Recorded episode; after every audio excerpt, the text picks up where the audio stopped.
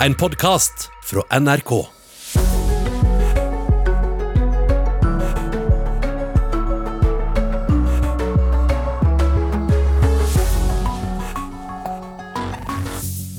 Riktig god morgen. Nyhetsmorgen er på plass, også denne dagen i juli, og her er forsiden vår. Donald Trump har eh, trua lenge. I går kveld ble det klart. USA melder seg ut av verdenshelseorganisasjonen WHO. Det skjer samtidig som USA har rekordhøye smittetall for koronavirus. Det har også Brasil. Der er nå presidenten Jair Bolsonaro smittet. Vi spør òg hva følger det kan få for oss her i landet at flere land som hadde åpna opp igjen, nå stenger ned regioner og byer pga. kraftig økning i koronasmitte.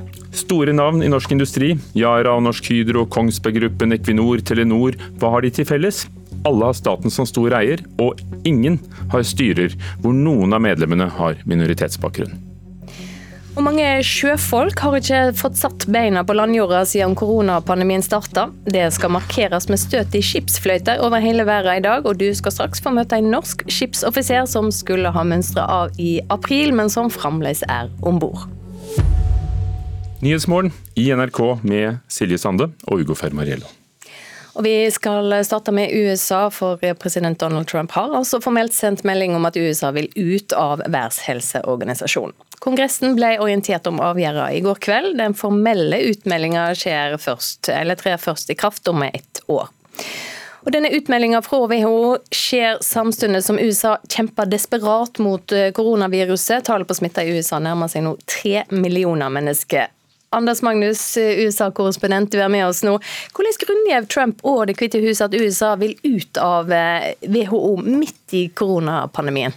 Trump har jo sagt tidligere at han vil ut av WHO fordi han mener WHO holdt verden for narr da de ikke tidlig nok gikk ut og fortalte om dette viruset fra Kina. Han mener WHO var i lommen på Kina, samtidig som kineserne betaler bare en tiendedel av det USA gjør inntil denne organisasjonen.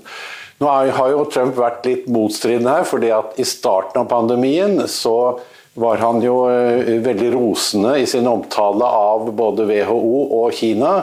Så begynte det å gå dårlig i USA, og da begynte han å kritisere både WHO og Kina. Og han har for så vidt rett i at både kineserne og WHO var seint ute på en rekke områder. Men samtidig så var jo Trump mye seinere selv. Så mange mener at dette er et forsøk på å legge skylden for noe han selv har også bidratt til i USA, over på andre. Hvordan er reaksjonene så langt på utmeldinga? Nå er det vel mer et oppgitt sukk, fordi reaksjonene kom jo eh, først eh, og fremst da han annonserte at han ønsket å gjøre dette her, men reaksjonene har vært kraftige fra opposisjonen, altså demokratene i eh, nasjonalforsamlingen. Og den har også vært kraftig nå fra helsepersonell i USA. Men alle visste jo at dette kom til å komme, så dette er jo noe man har ventet på. Og så er det selvfølgelig mange som tenker slik at siden det går et helt år til denne utmeldelsen trer i kraft, så kan det være at det har vært et skifte av styret i Det hvite hus og i Kongressen i løpet av dette året, og at man dermed kanskje ikke kommer til å gjennomføre dette, denne utmeldingen hvis det altså blir en ny president i USA etter valget i november. Og Samtidig som alt dette skjer, så kjemper USA mot viruset. Hva blir gjort for å få kontroll over situasjonen? Det blir gjort mye i de delstatene som har gjenåpnet litt for tidlig. Der har man begynt å stenge ned, f.eks. i Miami, deler av delstaten, nei, i Florida, deler av delstaten som i Miami, så må man igjen innføre strenge tiltak når det gjelder eh, eh, treningssentre, når det gjelder restauranter, barer og sånne ting, fordi eh, spredningen av virus har gått veldig raskt. Særlig skjer det med store smittetall i Texas, California og Florida akkurat nå, pluss Arizona. Så, så, det er en veldig negativ utvikling, særlig i sør og vest i USA. Ja, du var inne på det, det er presidentvalg til høsten. Hvordan vil du si koronapandemien påvirker valgkampen akkurat nå? Det er nok veldig mange som ikke liker den måten Trump takler denne pandemien. Han gikk jo i går ut mot landets ledende smittevernekspert, dr. Fauci. Han, Fauci sier jo at USA står nå knedypt i den første bølgen av viruset, mens Trump sier at nei da, vi, vi gjør det veldig bra, og dette kommer til å gå over. Samtidig sier jo også Trump at eh, USA har det laveste dødstallene eh, i forhold til befolkningen i hele verden, noe som overhodet ikke er riktig. De ligger vel omtrent på sjuendeplass på verdensbasis. Så, eh, og det er langt, altså ti ganger flere døde per befolkningsenhet enn f.eks. Norge. Så eh, det er flere og flere som ikke stoler på presidenten, og det har jo også gitt seg utslag i at han har fått eh, veldig lave score på de siste meningsmålingene. Biden gjør ikke så veldig mye, men han får altså økt oppslutning fordi eh, presidenten er mer og mer upopulær. Takk så langt, USA-korrespondent Anders Magnus. Assisterende direktør i Helsedirektoratet Espen Nakstad, hva betyr det at USA er i ferd med å tre ut av Verdens helseorganisasjon? Nei, Det gjenstår kanskje litt å se, men eh, det er klart eh, det er en stor bidragsyter til WHO finansielt. Og, og WHO er jo en viktig organisasjon som har spilt en stor rolle i utryddingen av en del smittsomme sykdommer i verden. Eh, ikke minst på 60-70-tallet. Både koppeviruset ble jo utryddet, polio er på det nærmeste utryddet, og dette hadde ikke skjedd uten WHO. Så, så det er en viktig organisasjon. Og hadde det skjedd uten USA i WHO? Nei, sannsynligvis ikke, vil jeg tro. Sånn at Alliansen USA-WHO har jo vært en suksessfaktor uh, for internasjonal helse. Og fra USA hører vi at uh, virussituasjonen er, har blomstret opp. I Australia har myndighetene stengt delstaten Victoria, der fem millioner mennesker bor. Det er portforbud i Serbia. Vil det være aktuelt også i Norge å kunne stenge fylker, byer, bydeler? Ja, Tenkningen rundt dette og planene for det i Norge er jo at man skal slå ned på viruset der det eventuelt blusser opp, eh, og få kontroll på det tidligst mulig. Og Det er jo det man ser i mange land også, at man forsøker. Men situasjonen er litt annerledes når du ser på USA og de landene du nevner. fordi der er det ofte sånn at de har kommet inn i en bølge, og så har de, sånn som i USA, da, på østkysten iverksatt en del strenge tiltak, særlig i New York. Så har tallene da gått ned litt i april og, og mai. Men så har det da spredt seg til andre stater, og man har fått en ny svær bølge. Så man har liksom aldri kommet helt ned i smittetall, og, og, og, da blir det vanskelig. Er vi kommet vil du si, helt ned i smittetall? Vi har i hvert fall kommet så langt ned at vi har mindre enn ti personer innlagt på sykehus i Norge med covid-19. Det er et veldig lavt tall, men det er klart eh, det har stabilisert seg på det lave tallet. Og denne R-en, da, det reproduksjonsnummeret, er nå på ca. 1 fordi vi har omtrent like mange nye tilfeller hver dag. Men det er lavt. Og Hva skjer da, nå som flere og flere begynner å fly? Det selges eh, feriereiser også ut av Norge? Nei, Det vil tiden vise. Det er klart at uh, smitten er lav i Norge og til de stedene man uh, reiser, så, så, er risikoen mindre enn hvis man f.eks. nå hadde reist til USA. Det er jo vanskelig. Men Har dere regnet på hva som vil skje, eh, etter hvert som flere reiser da til Danmark og kanskje flere andre land i Europa også? Det er vanskelig å regne på det, men det er i hvert fall helt åpenbart at sårbarheten er større. Eh, det vil si at når vi nå lever så, eh, så normalt som vi faktisk gjør i Norge, hvis vi da skal få inn mye smitte til landet, og folk slapper litt mye av, så kan dette spre seg. Eh, litt sånn tilsvarende det vi hadde i februar-mars. Men, men foreløpig så er det lave smittetall også til de landene hvor det tilrådes å reise. Og folk er fornuftige. Og hvis det da følger gode råd også når de er på reise, så, så er det mulig at vi kan holde dette nede fortsatt. Og Hvordan det smitter er jo også spørsmålet. Eh, I går kveld ble det klart at eh, Verdens helseorganisasjon nettopp anerkjenner dette brevet fra 200 forskere som sier at vi må ta på alvor at smitten av SARS-CoV-2-viruset også kan være luftbåren. Holder det da å holde én meters avstand til nestemann? Si, eh, når det gjelder smittesporing, eh, så er det to meter man bruker. Altså nærmere enn to meter i minst 15 minutter. Det er liksom det som definerer risikoen for at du er en såkalt nærkontakt, som det heter når man da skal smittespore. Eh, og Det er en grunn til det. og det er at Når vi hoster og nyser og også til dels snakker, så går det en del dråper ut fra munnen vår. De største dråpene de detter rett ned foran deg. Noen dråper kan gå inntil et par meter. Eh, og de dråpene er såpass store at de kan ha en del virus i seg. Men så er det også noen bitte små dråpekjerner, altså bitte små partikler, som kan gå lenger. Er det det disse 200 forskerne yes, peker på? Det er akkurat det de peker på. og Det er det som vi ofte kaller luftsmitte. Altså luftsmitte, Da er det dråper som er mindre enn 50 mikrometer, altså bitte små dråper. Men de kan henge i lufta ganske lenge i et rom. Eh, og spørsmålet her er eh, er det smittsomt. Og noen sykdommer smitter jo på den måten med luftsmitte. Mens covid-19 smitter nok primært på nærkontakt med dråper, men kan kanskje også smitte på litt lengre avstand. Og det kan kanskje forklare disse supersprederfenomenene i en viss grad. Så det er noe man skal ta på alvor, men det er ikke sikkert at risikoen er så stor at man dermed skal endre så veldig mye på eksisterende råd. Og hva er det eksisterende rådet? Det eksisterende rådet er jo i Norge først og fremst å holde avstand til hverandre, eh, som er viktig. Minst en meter, heter det. Men burde den vært to, da? Eh, du kan si Smittevernmessig den var to, og så ble den redusert igjen. og Det er fordi at det er en pragmatisme i dette. her, I en situasjon med lite smitte i landet, hvor man er nødt til å kunne f.eks. reise med bussen og fly osv., så, videre, så så vil to meter være veldig vanskelig gjennomførbart. Sånn at det er, det er en balansegang. Men det er klart, skulle man få et nytt oppbluss, eh, og det ser man andre steder i verden også, så, så vil man måtte stramme inn på, på denne type råd også, antagelig. Takk skal du ha, Espen Nakstad, assisterende helsedirektør. Og etter klokken ni her i Nyhetsmorgen så tar vi faktisk turen i hvert fall mentalt til eh, Melbourne ved å høre med en som bor der og opplever nedstengningen nå.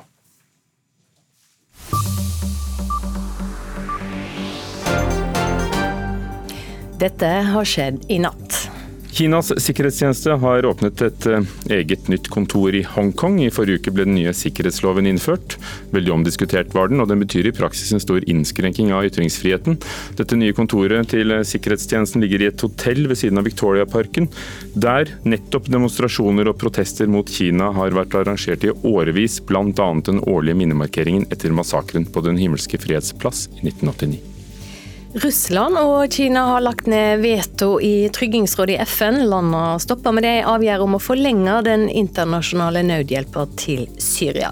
Resolusjonsframlegget, som kom fra Tyskland og Belgia, ville ha sikra at forsyninger kunne komme inn i Syria over grensa fra Tyrkia det kommende året. Alle de andre medlemmene i Tryggingsrådet gikk inn for framlegget. En ti år gammel gutt som var savnet på Myre i Vesterålen, er funnet i god behold og er nå gjenforent med familien sin. Han var kald, men hadde det bra. Det var en stor leteaksjon i gang i løpet av natten etter at eh, gutten ble savnet ved midnatt. Og dette skal skje i dag. Tysklands forbundskansler Angela Merkel presenterer Tysklands EU-program for neste halvår. I forrige uke overtok Tyskland formannskapet i unionen, og dette blir jo en del av hennes politiske ettermæle. Og så kan det bli en eh, bra dag for fotballinteresserte. Engelske klubber skal spille fire kamper i Eliteserien. Mellom annet skal Manchester City møte Newcastle.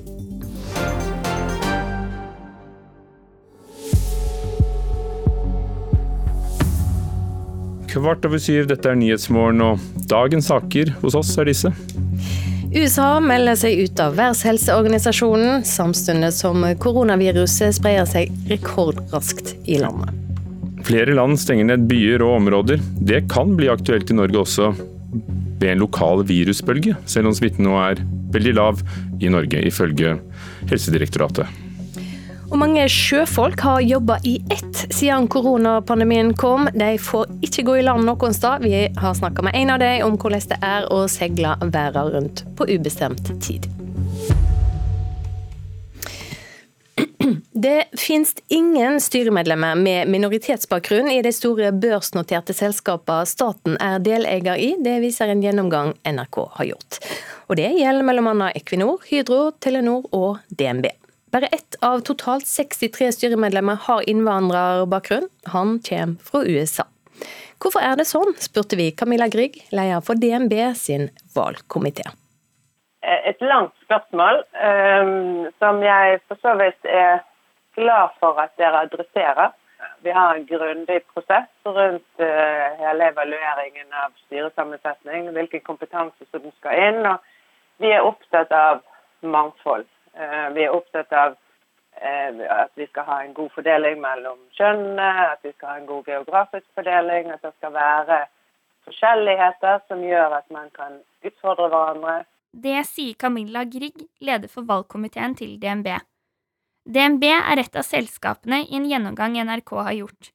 Der kom det frem at ingen av de syv børsnoterte selskapene med statlig eierskap har styremedlemmer med etnisk minoritetsbakgrunn.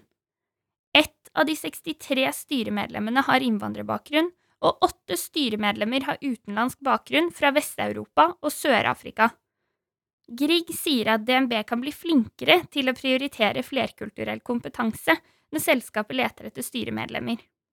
Eh, og det er klart at det må nok en systematisk prosess til. For vi ønsker jo, akkurat som vi ikke ønsker å rekruttere noen på annen basis enn at de har den kompetansen vi ser etter, samtidig som de også representerer det mangfoldet som vi er etter. Eh, så da, vi kan helt sikkert gjøre en bedre jobb eh, fremover i forhold til det. Lovlin Brenna er sjef i selskapet Sema, som jobber med mangfoldsledelse. Hun mener det er viktig at det finnes mangfoldskompetanse i norske styrer.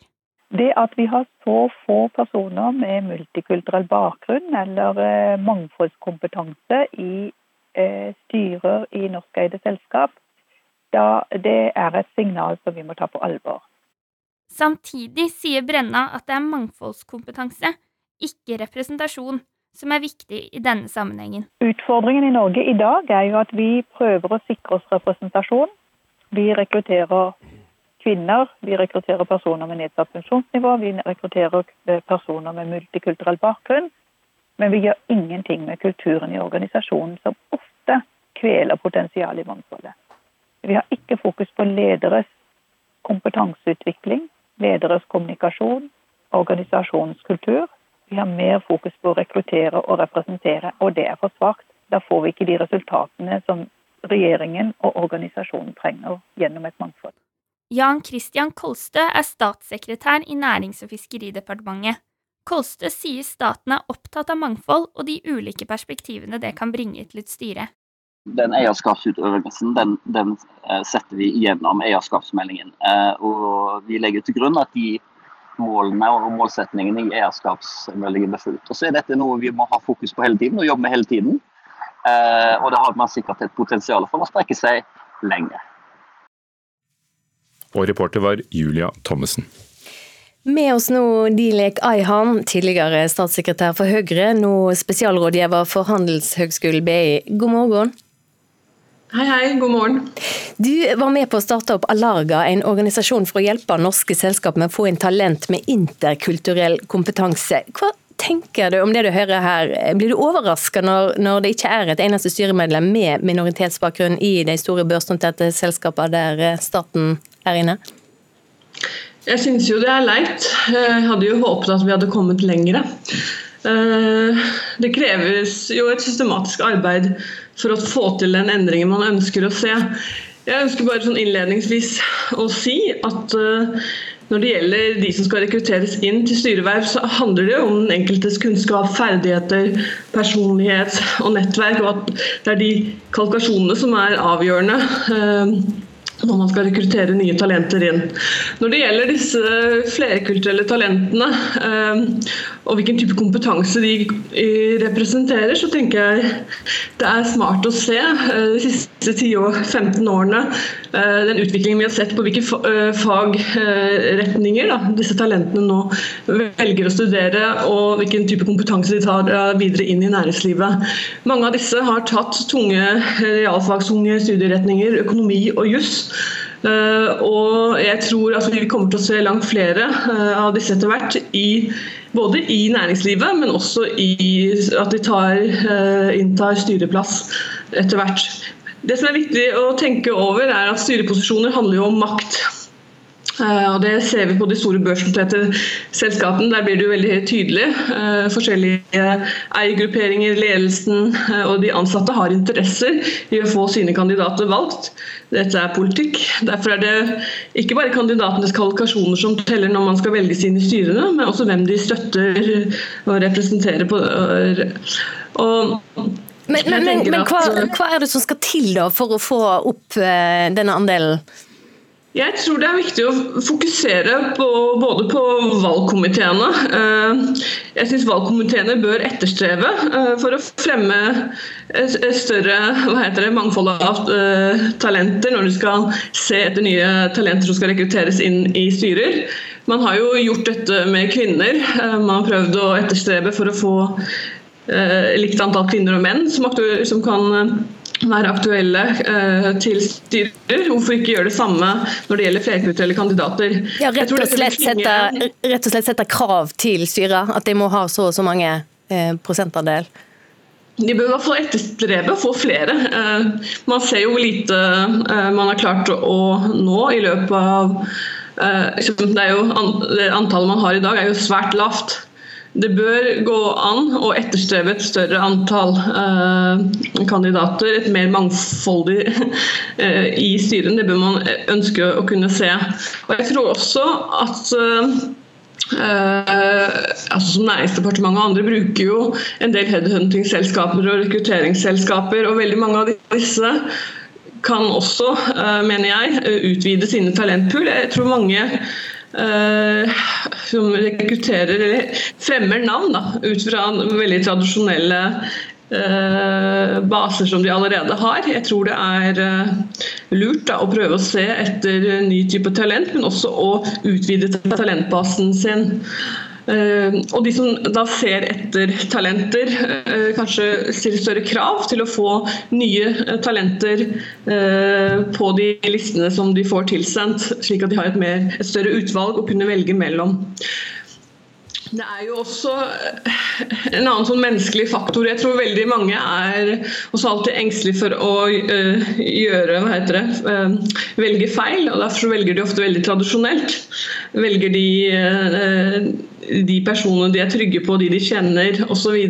Derfor så blir det vanskeligere for nye talent å komme inn både inn i disse listene og inn i disse rekrutterings arenaene. Eh, men jeg tror man må gi tillit, for det kommer veldig mange spennende nye talenter nå som, skal, som jeg tror norsk næringsliv ville hatt glede av. Så det er rent strategisk, forretningsmessig å eh, dra nytte av den kompetansen som denne delen av befolkningen også besitter. Men Hva står på spill da, mener du, dersom norske selskap ikke får mer mangfold i styrene sine? Jeg tror mer mangfold vil bidra til mer innovasjon, uh, bredere uh, Hva heter det? Flere perspektiver uh, inn i disse både styrene og i selskapene. jeg tror det vil være viktig for dem i en tid som vi skal gjennom en stor omstilling. det er veldig mange talent der ute som har den type kompetanse som disse selskapene kommer til å trenge i en sånn omstillingstid som vi skal nå igjennom. Jeg tror jo om ikke de norske selskapene klarer å ta tak i disse talentene, så vil det være andre som gjør det. Vi lever i en global verden. Uh, talent rekrutteres globalt selv jeg får jo masse tilbud fra utlandet. Jeg tror Man må liksom ikke undervurdere at eh, deler av det internasjonale eh, næringslivet er eh, De ser kunnskap, de ser talent, de ser kompetanse, de ser nettverk.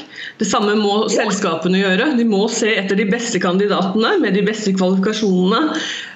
Både når de rekrutterer internt til selskapene sine, og også etter hvert må disse valgkomiteene og andre departementene, de som da rekrutterer nye styremedlemmer, aktivt jobbe for å etterstrebe det mangfoldet av talent og kunnskap mm. som jeg tror selskapene trenger. Dilek Ayhan, vi må sette strek der. Takk for at du var med i Nyhetsmorgen.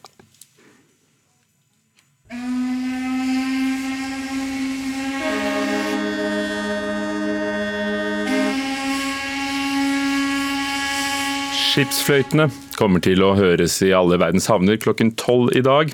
Lastebåter og tankskip, ferger og cruisefartøy, alle vil markere situasjonen for sjøfolk under viruspandemien.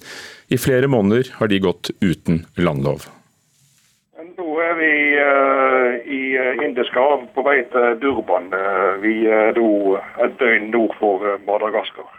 På en litt skjelvende satellittelefon fra midt ute i Det indiske hav forteller Bengt Ellingsund, overstyrmann på lasteskipet Bow Fortune, at han nå har vært til sjøs siden 12. januar uten å kunne gå i land. Nei, altså det er jo klart at uh, vi er jo vant til å være lenge om bord i båtene. sånn at uh, vi er jo forberedt på dette at vi måtte utsette hjemreisa en måned og to og tre. Men uh, Planen var at han skulle mønstret av i Kina i april, men sånn gikk det ikke og nå må han vente helt til august med landgangen sin, på grunn av koronapandemien. Så til tross for eh, ganske like dager til sjøs, så oppleves livet uforutsigbart. Det er jo det du ikke veit. Du kommer til ei havn, og så er den stengt ned, og så er en ny havn, så er den stengt ned. Og det er jo klart at da kan du ikke planlegge noen ting. Det er jo det som er liksom den store utfordringa. Rundt 200 000 sjøfolk er i dag strandet til sjøs, i skip som nå frakter mellom 80 og 90 prosent av de varene vi trenger mellom kontinentene. Og disse kan som Bengt Ellingsund og Bo Fortune legge til kai, laste og losse, men ikke selv gå i land eller ha mannskapsbytte, utenom i noen veldig få havner med store restriksjoner. Det er helt fortvilende for oss rederi, og det er også fortvilende for de som det gjelder. Det er mennesker som, eh, som skulle vært hjemme for lenge siden, og vi har rett og slett ikke mulighet til å finne havner hvor, eh, hvor mannskapsskifter tillates. Harald Fotland er driftsdirektør i bergensrederiet Oddfjell. Og i tillegg til tankskipet Bow Fortune der Ellingsund jobber, har de I overkant av 80 skip, og de seiler worldwide. Hvilket betyr at de, vi har skip i Europa, Asia, USA, Syd-Amerika osv. Hvordan oppfatter dere at mannskapet har det? Altså, jeg vil si at Vi har vært heldige. Vi har eh, en veldig lojal arbeidsstokk. Mange av de har vært med oss i over 25 år. Så jeg, jeg må si at jeg er imponert over måten eh, sjøfolkene våre har eh, håndtert situasjonen.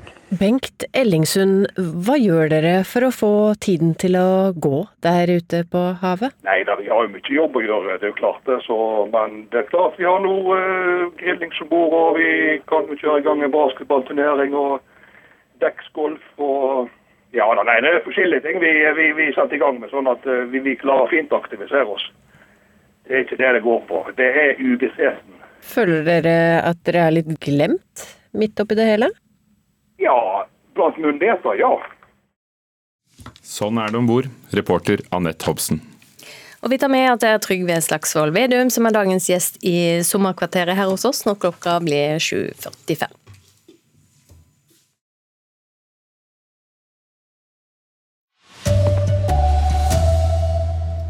USA står midt i kampen mot koronaviruset. Samtidig trekker landet seg ut av Verdens helseorganisasjon. Mange selskaper der staten er eier, har ingen styremedlemmer med minoritetsbakgrunn. Sjøfolk har ikke vært i land på flere måneder. I dag blir det protesttuting med skipsfløyta.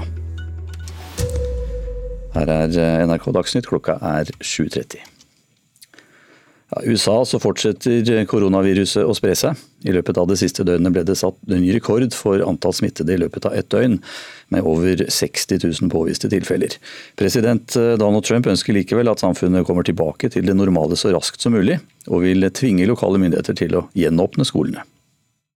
Ladies and gentlemen, the President of the United States and Mrs. Trump. I natt norsk tid møtte Donald Trump pressen for å fortelle om det som skjer i landet hans.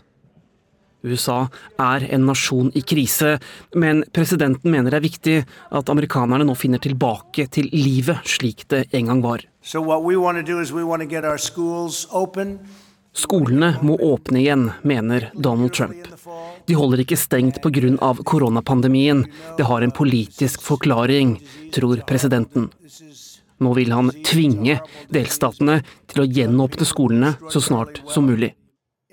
Alle vil det, sa Donald Trump. Mammaene, pappaene, ungene, ja alle vil at skolene skal åpne. Den amerikanske presidenten kommenterte også dødstallene i USA. I antall ligger landet i verdenstoppen med over 133 000 døde.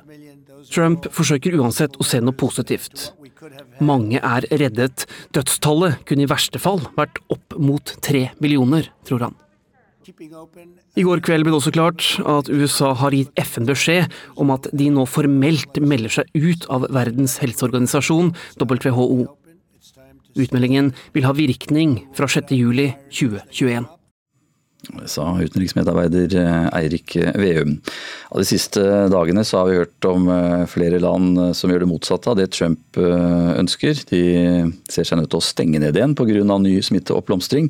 Byer i Spania er isolert, det samme er byer i områder i Tyskland, Italia og Kroatia, for å nevne noen europeiske land. Assisterende direktør, helsedirektør Espen Rostrup Nakstad, kan det skje i Norge også at vi er nødt til å stenge ned f.eks. bydeler? Det kan skje hvis vi får eh, mer smitte til landet og ikke klarer å kontrollere det der det bryter ut. Eh, og Det er interessant å se nå at eh, de fleste land nå som har stått i pandemien en stund, de har et veldig fokus på disse utbruddene. og Det er derfor de stenger ned, for å få kontroll og slippe å stenge ned hele landet. Ja, hvordan er situasjonen i Norge nå? Situasjonen i Norge er veldig stabil, og vi har lite smittetilfeller. Vi har noen få hver dag som påvises, og vi har vel litt under ti personer innlagt på sykehus nå med covid-19. Så det er en veldig god situasjon, men det er en sårbar situasjon fordi vi nå har gjenåpnet mye av samfunnet. Ja, og nå er vi godt i gang med feriemåneden juli også. Flere og flere skal eh, reise til utlandet. Hvilke følger kan det få? Nei, Det vil tiden vise, men eh, det som i hvert fall er viktig, er at man eh, forholder seg til denne pandemien også når man er på reise. Og at man tester seg hvis man får symptomer når man er hjemme igjen. Det er veldig viktig. Og så håper jo vi at dette kan skje på en fortsatt trygg og god måte. Men risikoen er der hvis ikke man passer på. Ja, Flere reiser, flere er ute og spiser. Vi begynner å klemme hverandre igjen. Hvor går grensen før risikoen blir for høy? Nei, Det er ingen som helt vet det. Men eh, det er klart at eh, når du ser på hva som har skjedd i den store verden, så er det klart at eh, når folk ikke følger regler i det hele tatt, altså ikke holder avstand, klemmer hverandre, går på jobb hvis de er syke, ja da går denne R-en som vi snakker om, dette reproduksjonsnummeret, det går over én, og da begynner det å spre seg. Så, så, vi er nok i et grenseland nå, og det ser ut som denne R-en i Norge faktisk er på én nå. Det er stabile tall, det går ikke videre ned. Og det går heller ikke opp, men det ligger på én. Og det vil si at vi er kanskje på et balansepunkt akkurat nå. Takk skal du ha, assisterende direktør i Helsedirektoratet, Espen Rostrup Nakstad. Vi skal til Brasil nå, for presidenten der, Jair Bolsonaro, han eh, har fått eh, koronaviruset. Han er smittet med det og blir eh, behandlet med malariamedisin klorokin. Presidenten har anbefalt klorokin i Brasil under pandemien, men medisinen er ikke godkjent av Verdens helseorganisasjon. Acabou de dar positivo. Deu positivo, deu positivo, deu positivo. Testen var positiv. Den var positiv, sier president Jair Bolsonaro på en pressekonferanse i hovedstaden Brasilia. Han forteller at han har begynt å bruke malariamedisin klorokin etter at han ble syk. Às 5 da manhã tomei a segunda dose da cloroquina. Klokka fem i morges tok jeg den andre dosen med klorokin, og jeg vil understreke at jeg føler meg veldig bra, sier Bolsonaro. Bruk av klorokin som medisin mot korona har vært en av hans store flaggsaker under pandemien, til tross for at Verdens helseorganisasjon ikke vil anbefale dette. Mange leger mener dessuten at medisinen kan ha farlige bivirkninger. For millioner av brasilianere er det et stort paradoks at mannen som har bagatellisert pandemien og kjempet mot smittetiltakene, nå selv er blitt smittet med koronaviruset. Og mange spør seg om han nå vil endre syn. Men hans uttalelser i går tyder ikke på det. Det siste døgnet har 1312 mennesker dødd av covid-19 her i Brasil, et av de høyeste tallene siden pandemien startet. Sa vår reporter i Brasil, Arnt Stefansen. Ingen av styremedlemmene i de store børsnoterte selskapene som staten er deleier i, har minoritetsbakgrunn. Det viser en gjennomgang NRK har gjort. Det gjelder bl.a. Equinor, Hydro, Telenor og DNB. Vi kan bli flinkere, innrømmer Camilla Grieg, som leder valgkomiteen i DNB. Vi er opptatt av mangfold. Eh, vi er opptatt av eh, at vi skal ha en god fordeling mellom kjønnene, at vi skal ha en god geografisk fordeling, at det skal være forskjelligheter som gjør at man kan utfordre hverandre. Det sier Camilla Grieg, leder for valgkomiteen til DNB. DNB er et av selskapene i en gjennomgang NRK har gjort. Der kom det frem at ingen av de syv børsnoterte selskapene med statlig eierskap har styremedlemmer med etnisk minoritetsbakgrunn. Ett av de 63 styremedlemmene har innvandrerbakgrunn, og åtte styremedlemmer har utenlandsk bakgrunn fra Vest-Europa og Sør-Afrika. Grieg sier at DNB kan bli flinkere til å prioritere flerkulturell kompetanse når selskapet leter etter styremedlemmer.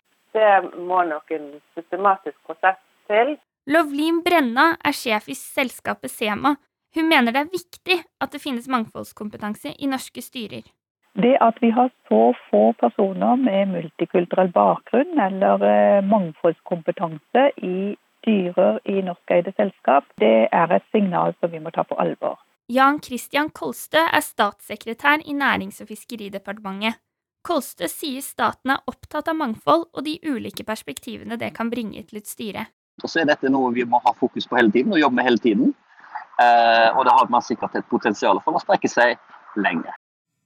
Reporter Julia Thommessen. Om du er i nærheten av en havn hvor som helst i verden, så kommer du trolig til å høre denne lyden klokka tolv i dag.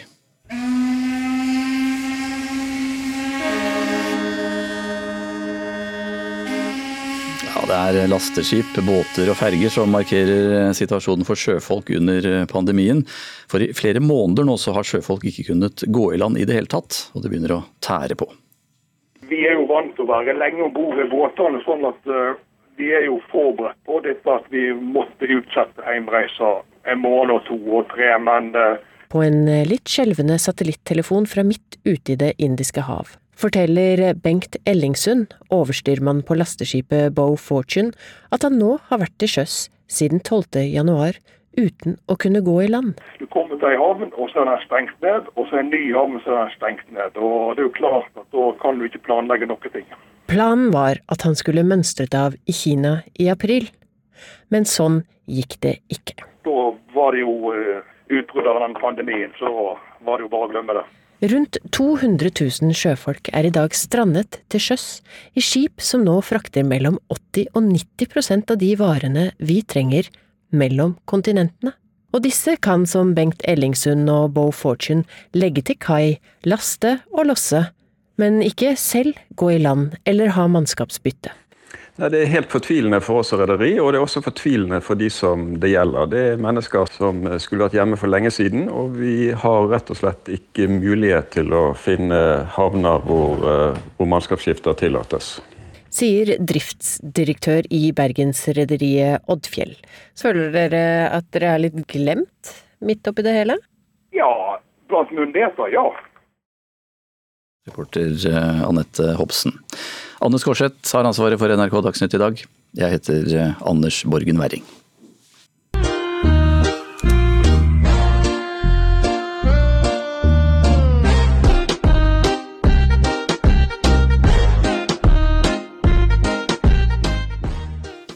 Dette er altså innledning til neste tema her i Nyhetsmorgen i NRK.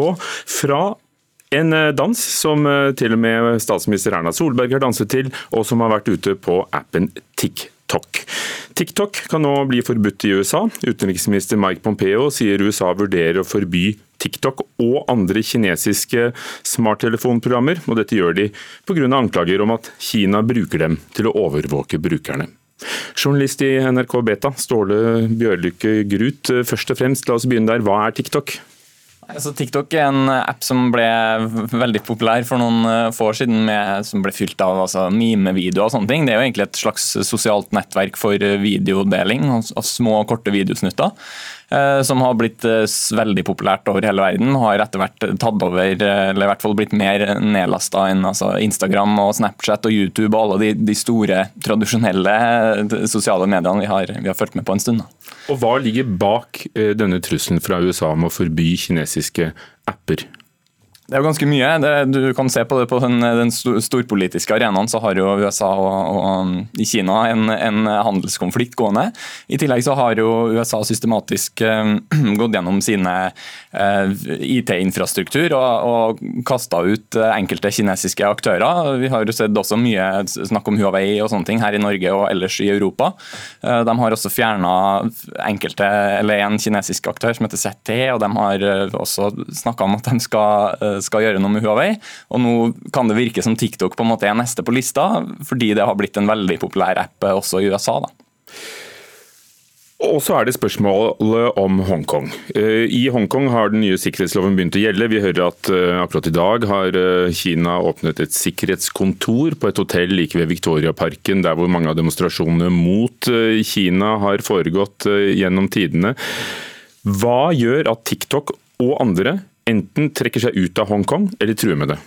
Nei, Det er jo eh, veldig mange store teknologiselskap som har nå i hvert fall varsla at de ikke kommer til å, å følge oppfordringa til, til, myndighetene i Hongkong om å utlevere data. For Det er noe de store teknologiselskapene gjør, de samarbeider med myndighetene verden over.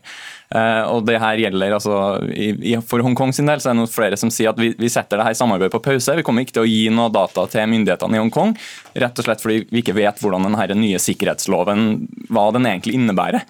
Eh, men så er det det her gjelder Twitter, Google og, og mange store teknologiselskap. Men så har TikTok de har gått et steg lenger og de sier rett og slett at vi trekker oss helt ut av Hongkong. Og vi, vi kommer ikke til å, å, tilby den appen her. Eh, og da, da, er det jo flere som sier at det her kan eh, se ut som at det er et PR-grep, nettopp fordi at TikTok ønsker å på en måte fjerne seg fra fra den, sin kinesiske bakgrunn. for de må jo... Dette er jo et paradoks. Dette er jo kinesisk, et kinesisk selskap som truer med å trekke seg ut av Hongkong pga. Kinas sikkerhetspolitikk. De opererer vel i Kina også? Ja, de har, de har det Opprinnelig så er det en, en, kinesisk app som man bare har kalt TikTok, og, og har litt eh, annerledes utseende her i, i, i, Europa og andre deler av verden. Så det er jo på en måte et, et kinesisk selskap her som truer med å trekke seg ut av, av et, etter hvert av kinesisk territorium. Så, så det, det, er ganske spesielt, og det er flere som mener at dette kanskje egentlig er et PR-grep, fordi de har ikke hatt så stor, stort marked i Hongkong uansett. Eh, så det, det blir jo spennende å se etter hvert eh, hvordan, hvordan det her utvikler seg. Men det er ikke noe tvil om at TikTok ønsker å distansere seg fra det her beskyldningene om at eh, kinesiske myndigheter kan overvåke brukere gjennom appen. Takk skal du ha, Ståle Bjørlykke Grut. Og så får vi se om USA også forbyr TikTok og andre kinesiske apper. India har gjort det pga. grensekonflikten, men det var det vi rakk nå.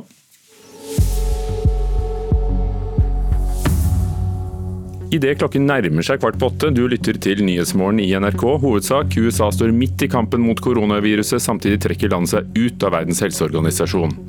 Og mange selskaper der staten er eier, har ingen styremedlemmer med minoritetsbakgrunn. Og nå Sommerkvarteret. Denne morgenen skal vi møte Trygve Slagsvold Vedum, leder av Senterpartiet. Han frykter at deler av norsk næringsliv kan få betydelig tilbakeslag etter krisen. Reporter Eirik Ramberg har møtt ham hjemme på gården Bjørby i Stange.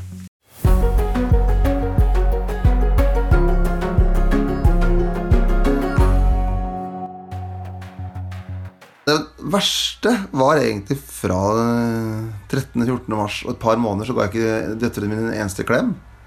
For jeg var veldig forsiktig. For jeg, jeg var jo veldig aktiv, mens alle andre eh, ikke, Veldig mange måtte holde seg hjemme. Så, så var jeg i Oslo hele tida, egentlig. Mitt navn er Trygve Slagsvold Vedum. Jeg er leder i Senterpartiet.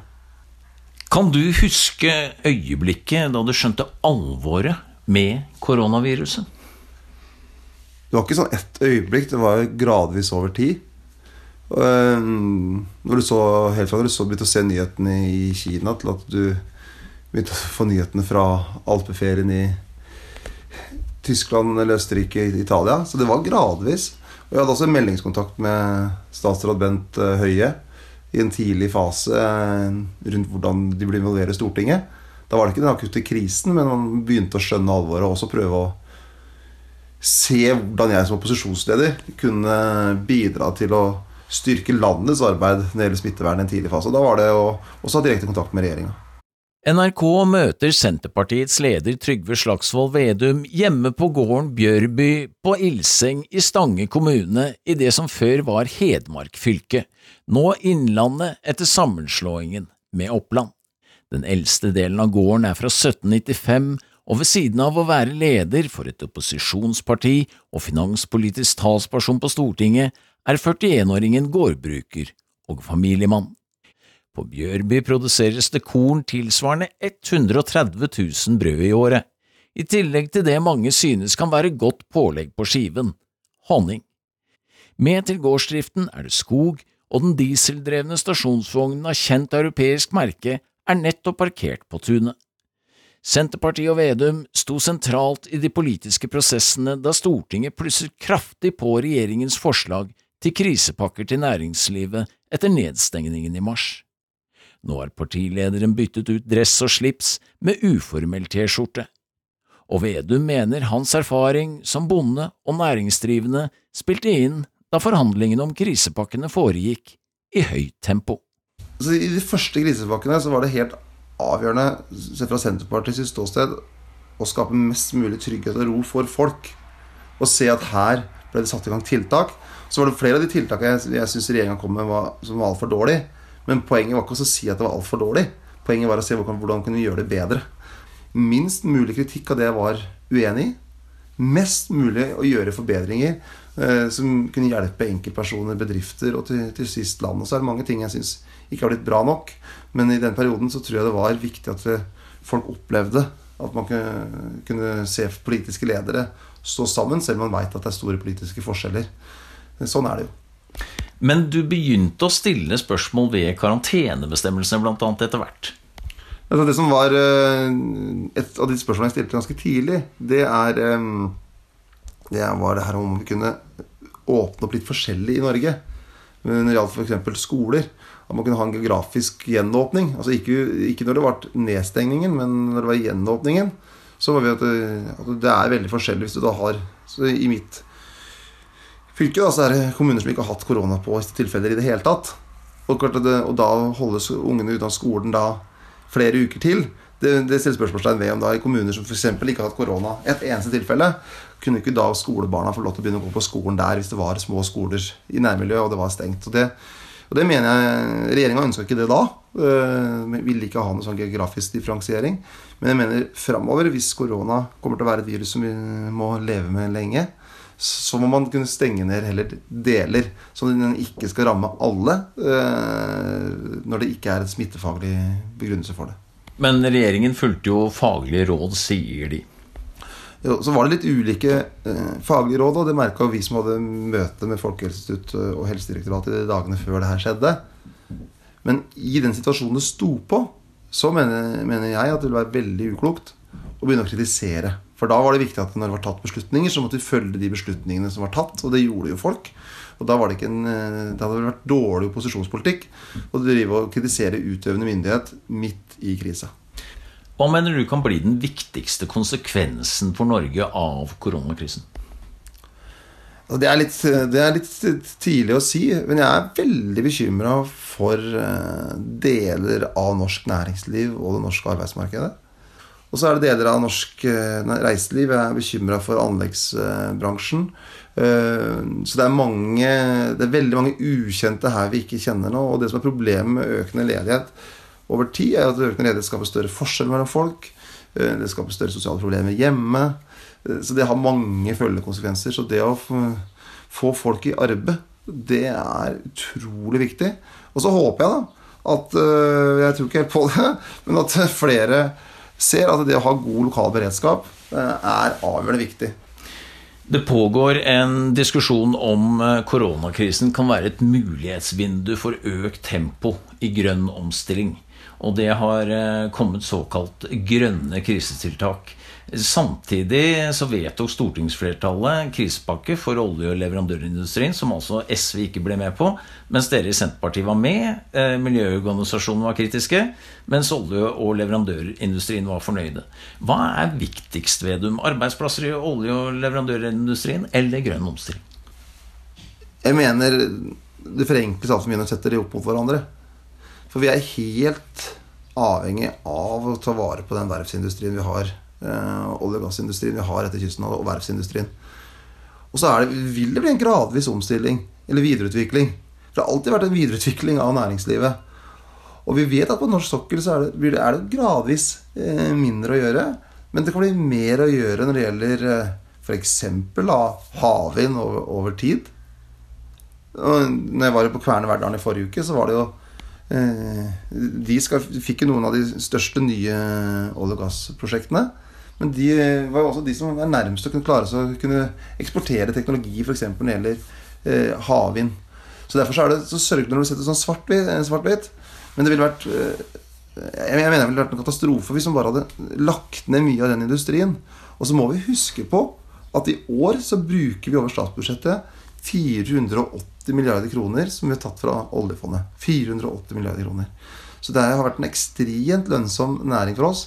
Og er det, uten tvil den næringa som derimot har størst avkastning.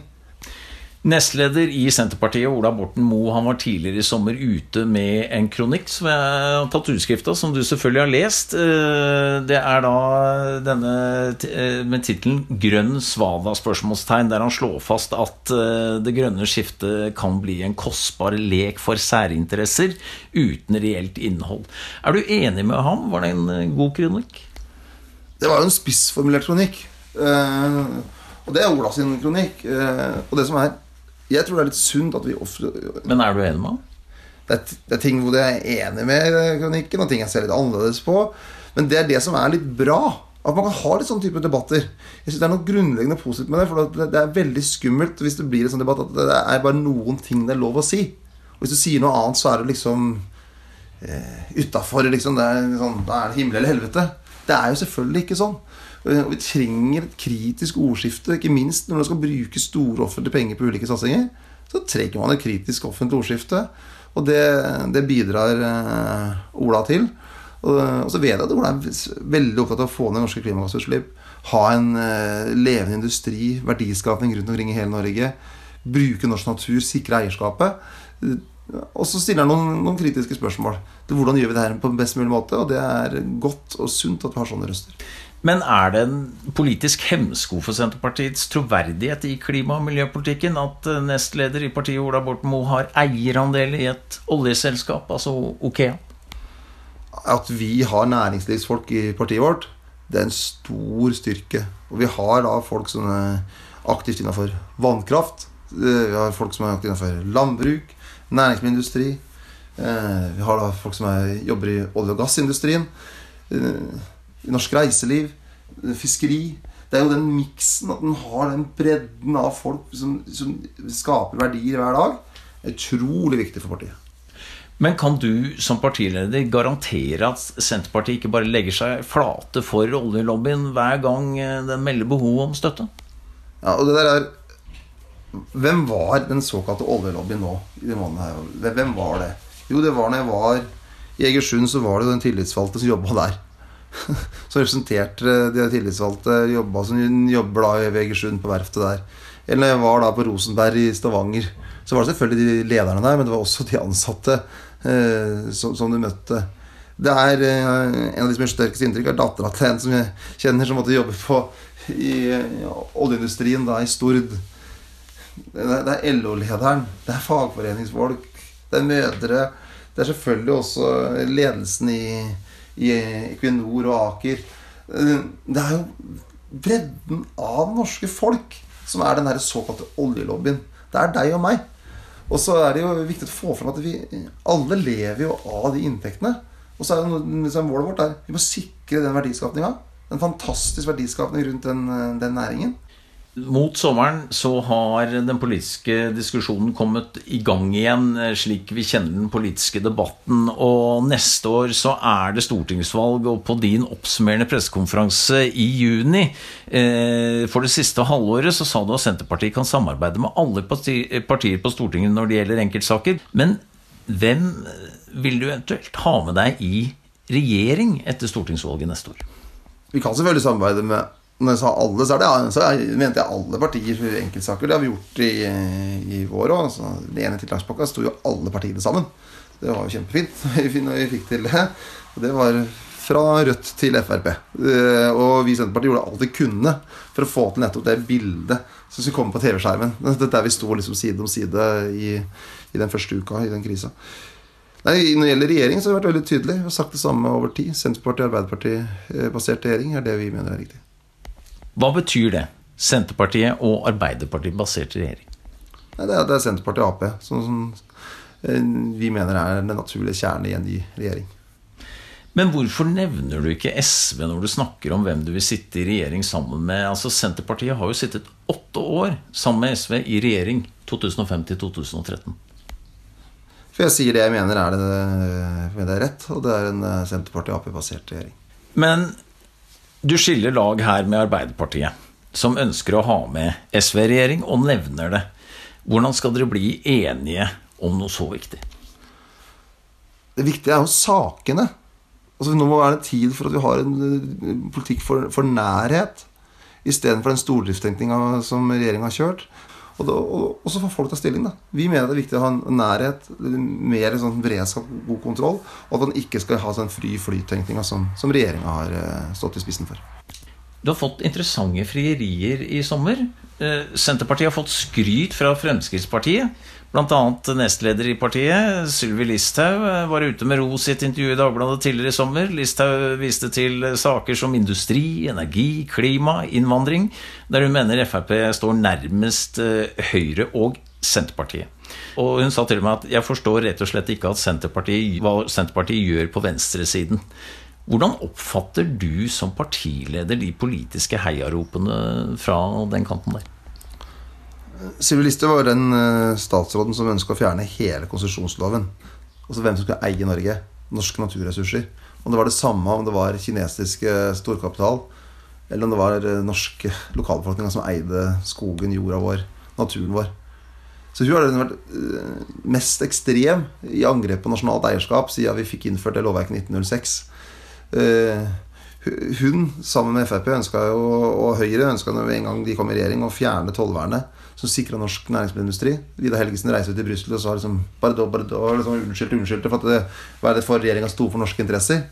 Eh, men heldigvis så klarte Stortinget å, å hva stå på det. Hva syns du om de politiske heiaropene fra Frp? Ja, Eller i hvert fall fra Sylvi Listhaug? Ja, så de, eh, så har jo hun var den som gjennomførte den såkalte nærpolitireformen av Frp som var tidenes sentralisering av norsk politi. Og, de, og det hadde kommunalkomiteens leder som klarte å få lagd konstruksjonen Viken.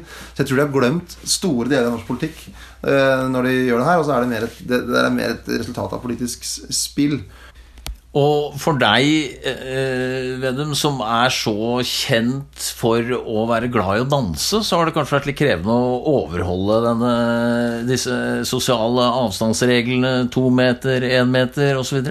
Ja, det er et forferdelig angrep på oss som er glad i å danse swing. Ja. Altså, jeg elsker jo å danse swing, og det er jo Eller danse sånn pardans, da. Og det har da ikke vært gjort siden 10. mars. Det var siste gang jeg dansa, du kan huske.